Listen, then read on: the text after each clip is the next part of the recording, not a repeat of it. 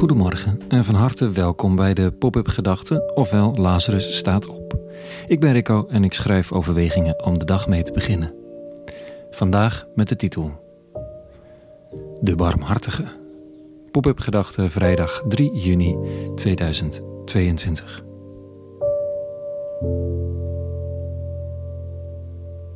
Bij de barmhartige denkt de gemiddelde christelijke gelovige waarschijnlijk meteen aan de man uit Samaria, de barmhartige Samaritaan. Dit in tegenstelling tot de gemiddelde islamitische gelovige, die er meteen de meest gebruikte naam voor God in zal herkennen: Allah, de barmhartige, de genadevolle. Het milieu waarin de meeste christenen zijn opgevoed, hier in Nederland, daarbuiten weet ik het niet, heeft er een handje van om zich te onderscheiden van anderen door negatieve eigenschappen aan te wijzen van die anderen. Katholieken en islamieten hadden eenzelfde onaantrekkelijke eigenschap. Zij moesten werken voor de hemel. Je moest het heil verdienen. Katholieken waren erg, maar moslims waren nog een tikje erger. Dat was echt goede daden tellen, anders zwaaide er wat bij God. In het Arabisch Allah. Het was pas na mijn studie theologie dat ik in gesprekken met bevriende moslims erachter kwam dat de genadevolle zo'n veel gebruikte term was in de Koran.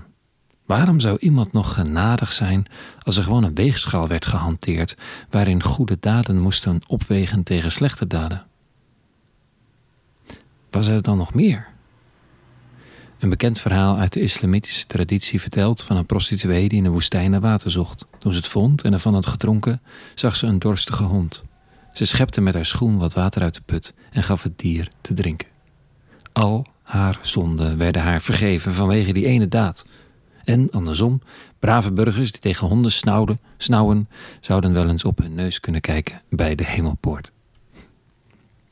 Het zijn maar flarden, maar het zegt iets over de barmhartigheid en de waarde van dat woord in de religieuze tradities.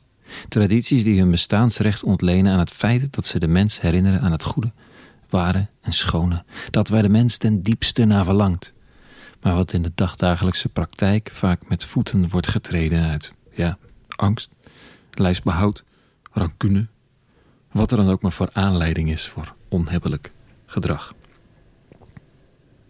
Maar het ging toch niet om gedrag in de christelijke traditie? Wacht nou, wie een van deze kleinen, zegt Jezus, ook maar een beker water geeft om mijnentwil, zijn loon zal hem niet ontgaan in de hemelen. Hij doelde daarmee met die kleine niet op de honden, maar op zijn leerlingen en toch daden doen naartoe. Ze tonen je hart, je geloof. In de psalmlezing van vandaag dit. Zo wijd als de hemel de aarde omspant, zo alomvattend is zijn erbarmen. God, zo ver als de afstand van oost tot west, zo ver verdrijft Hij van ons de zonde. Hm. Erbarmen, barmhartig. Het omspant de wereld als de ozonlaag, de luchtlaag, of de luchtlaag waarin de mens ademt. Zonder erbarmen sterft de menselijke soort. Wie leeft, kent erbarmen, barmhartigheid kan ik het leren ademen als de lucht om me heen, elke keer weer in en uit, wie ik dan ook maar tegenkom.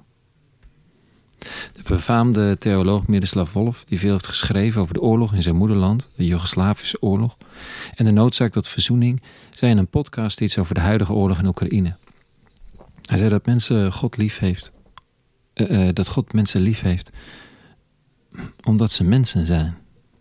Allemaal niemand uitgezonderd. En dat dit ook onze taak is.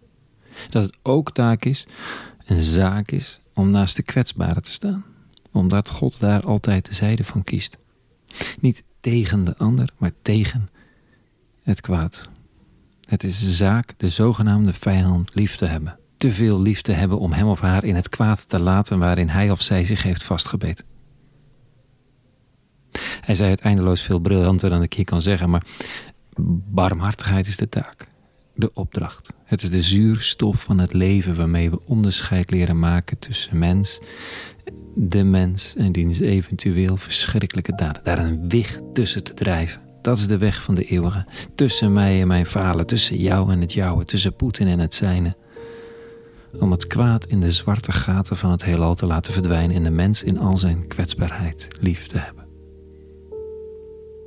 Dat is het idee. Het is nogal groot. Maar wat vraagt het mij vandaag? Tegenover anderen en tegenover mijzelf.